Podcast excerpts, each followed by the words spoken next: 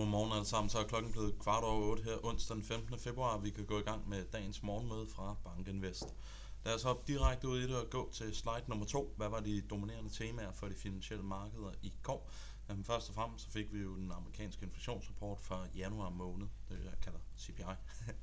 den kom ud som øh, ventet, stort set på de månedlige, både headline-inflationen, men også kerneinflationen. På de årlige inflationstakter, så kom de ud en lille bit smule højere, end hvad analytikerne havde i gennemsnit forventet. Samlet set så var det altså en øh, relativt volatil dag oven på det her inflationstal. Vi så, at aktier steg og faldt meget, meget kraftigt på inflationsprintet.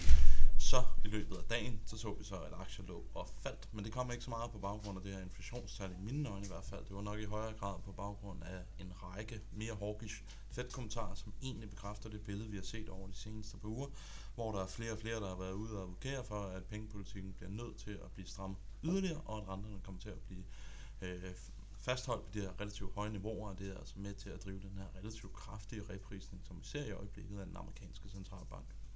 Inflationsrapporten, den kommer vi tilbage til senere, så nu kan vi begrave den historie lige her i 10 sekunder. Indtil da, så skal jeg også lige huske at sige, at vi fik NFIB, det er jo PMI'en for de små til mellemstore virksomheder. Den er stadigvæk relativt svag. Den kom en lille bit smule op i forhold til december måned, men den er altså ikke øh, på imponerende niveauer. Jeg synes også, når man går ind og ser i nogle af underkomponenterne, så er der altså nogle detaljer, som stadigvæk peger mod en ret svag øh, amerikansk økonomi. Eksempelvis øh, investeringsplanerne eller capex-planer, som ligger på ret lave niveauer. Når alt stød havde lagt sig i går efter både Hawkish Fed kommentarer og efter CPI-printet der, som kom ud som ventet, jamen så så vi faktisk, at S&P 500 det er en stort set flat. Vi så Nasdaq, det er en lidt over en halv procent oppe. Men mest interessant, så synes jeg faktisk, at vi så en ret kraftig cyklisk rotation intra-aktiemarkedet. Igen, det illustrerer os lidt, at vi er i et andet miljø nu, end hvad vi var op igennem 2022. Men mere om det senere. Hvis vi starter med at hoppe til slide nummer 3 for ligesom at sætte tonen for dagens præsentation, jamen, så viser jeg intraday-udviklingen i amerikanske S&P 500, og der hvor I kan se, at den begynder at køre som et kardiogram, det er klokken halv tre dansk tid, hvor vi fik inflationsrapporten. Initiale reaktion, der vi falder, så begynder vi at stige, og så lå vi ellers og hoppede lidt rundt de der niveauer, indtil vi så begynder at se de her fedt kommentarer, som begynder at drive markederne både meget kraftigt op, men også meget kraftigt ned. Og vi havde så lavpunktet her kl. 18 dansk tid, hvor vi virkelig havde fået de her indikationer på, at vi virkelig skulle se noget strammere pengepolitik ud af USA. Men i takt med, at vi ligesom fordøjede de kommentarer, jamen, så endte øh, vi dagen stort set flat. Men i hvert fald så var det altså en initial inflationsrapport, som ikke rigtig gav noget retning, som bare gav en masse støj, og hvor investorerne øh, læste lidt som fanden læste Bibelen. Så hvis du var bullish, så var det positivt, at den samlede inflation er på vej ned. Var du negativ, jamen, så er det jo at highlighte, at den månedlige kerneinflation stadigvæk er på alt for høje niveauer, og at vi forventeligvis øh, har behov for at se en stadig strammere pengepolitik. Hopper vi til slide nummer 4, jamen en af alle de her amerikanske centralbanker, de er alle sammen ude og lave forskellige inflationsmål og forskellige opdelinger af dem. En af dem, som jeg godt kan lide, det er den, der bliver lavet af Atlanta Fed, som deler inflationen op i det, der er det mere sticky, altså de komponenter, som ikke øh, ændrer sig så meget fra måned til måned, og så er de lidt mere fleksible komponenter. Og der kan vi altså se, at de fleksible komponenter, det er jo i høj grad vareforbruget, jamen der begynder vi altså at se et meget, meget kraftigt fald i inflationsraten, og vi er altså stort set nede at have en årlig, inflation, årlig inflation i de fleksible komponenter på, på 0. Så det er altså en øh, markant tilbagegang fra de 20%, vi havde, da vi virkelig oplevede det her øh, pres på de globale forsyningskæder, hvor vi så en vareinflation, der efter coronakrisen i den grad stak øh, sted. De er lidt mere stikke, øh, i høj grad service og shelter, jamen de ligger altså stadigvæk på ukomfortable høje niveauer, og det er jo dem, som Paul også har sagt, vi bliver nødt til at få ned, før vi sådan for alvor kan deklarere, at vi har vundet krigen over inflationen lidt samme historie, om den kan vi uh, se på den næste graf her, slide nummer 5, hvor vi deler det op bare i uh, goods inflation, vareinflationen, og så serviceinflationen med shelter. Og der kan vi altså se, at vareinflationen den falder relativt kraftigt, og den ligger faktisk kun en lille bit smule over 0, den ligger 1,29, men serviceinflationen ligger stadigvæk på ukomfortable høje niveauer. Så lidt samme historie som den anden. Det er bare en lidt mere elegant opdeling, som Atlanta Fed har lavet i mine øjne. Hopper vi til slide nummer 6, der kan vi se, at uh, den månedlige kerneinflation, det var det, der i høj grad var fokus op gennem 2022. I går så kom den ud 0,5. Det er stadigvæk lidt for højt i forhold til, hvad analytikerne, eller i forhold til, hvad man ønsker at se. Vi skal jo meget, meget gerne komme lidt ned i den her takt, men som I kan se, så den øh, turkisblå, det er analytikernes forventning, og tallet det kommer altså ud præcis som analytikerne havde forventet. Der var lidt støj, fordi at man har ændret de her vægte i CPI baskets, men det var altså ikke den helt dominerende historie, sandsynligvis fordi at analytikerne, til trods for alt usikkerheden, ramte den øh, spot on i går. Så fik vi jo yderligere øh, hawkish kommentar fra Fed, som jeg indikerede her i indledningen, og vi er altså nu oppe på pris, at vi skal have tre yderligere renteforholdelser efter den rentehævning, som vi havde i februar måned. Det er altså markant op i forhold til det niveau, vi så for blot et par uger siden, hvor man for året som helhed blot anså, at vi skulle have to renteforholdelser for Fed op igennem 2023. Så det er altså en relativt kraftig øh, reprisning, vi ser i øjeblikket, hvor man har smidt to yderligere renteforholdelser ind for den amerikanske økonomi for blot, på blot et par uger. Jeg synes også, det er værd at bemærke, at det her Fed pivot, som vi snakkede lidt om i slutningen af 23, altså at det kunne komme ind der, jamen det er altså blevet skubbet alt længere ud af, af kurven.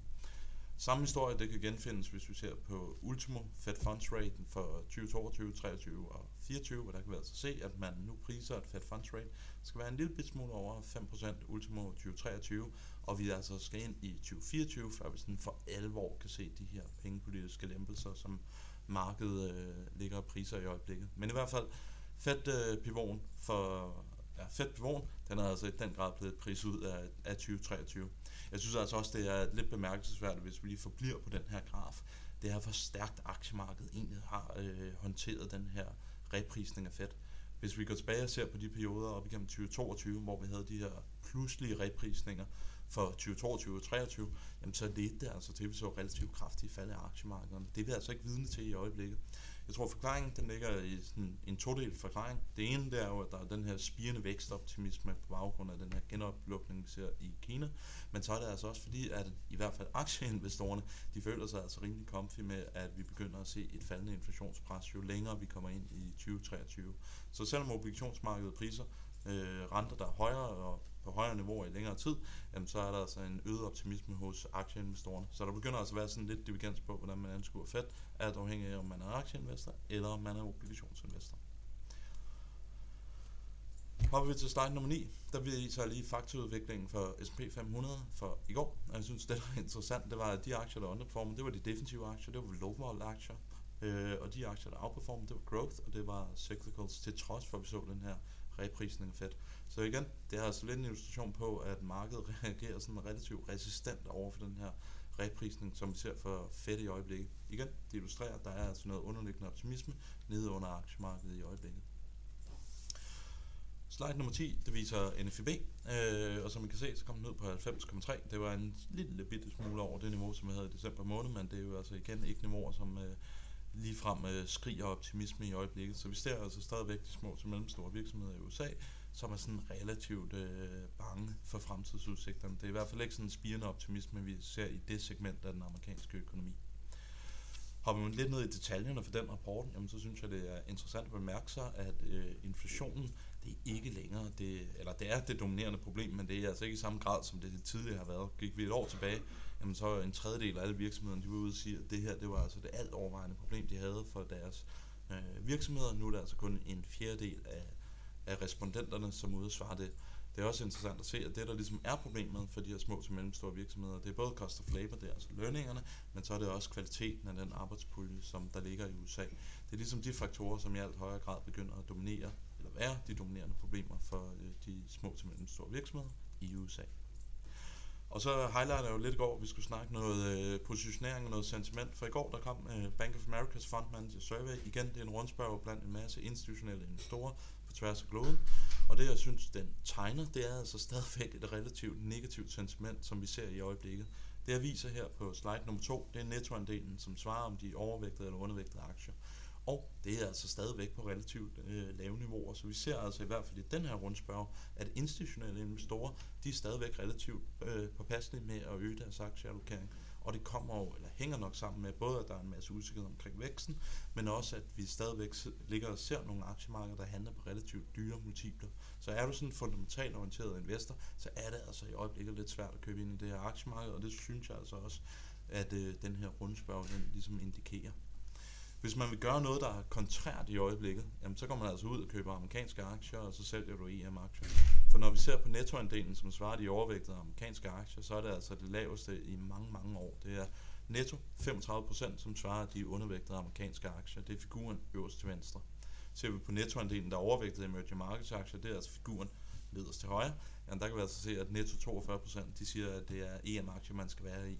Jeg synes, det er lidt interessant, at man her på marginalen faktisk også har set, at det, der har drevet aktierne højere over de seneste uger, det er i langt højere grad været amerikanske aktier, snarere end emerging markets aktier. Så der er sådan lidt en, en divergens mellem, hvordan folk positionerer og hvordan prisudviklingen har været, i hvert fald over de seneste par uger. Men consensus trade, det er kort US, lang øh, EM. Som caveat, uden jeg har taget med i den her graf, så kan jeg altså også sige, at hvis du vil være yderligere kontrær, så køber du ikke bare amerikanske aktier, du køber også amerikanske growth aktier. For consensus ligger altså stadigvæk til, at det skal være value, der outperformer over 2023.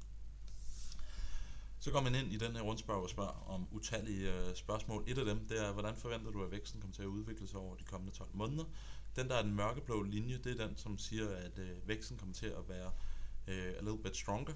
Øh, og den kan vi altså se, den er altså på vej op. Så vi begynder altså at se noget optimisme, øh, som begynder at komme ind fra den amerikanske økonomi, og ikke bare den amerikanske, men også den globale økonomi.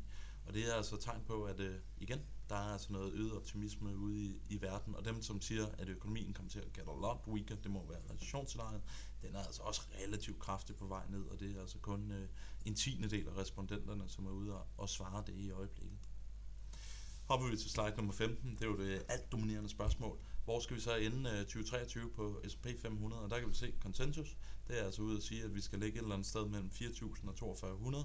Og så er det altså sådan relativt øh, synkron fordelt på tværs af, af de niveauer, dog med et negativt tid. Der er altså flere, der forventer, at vi skal lande et eller andet sted mellem 36 og 4.000, end dem, som uh, estimerer, at vi skal have et eller andet sted mellem ja, 4200 og 4600.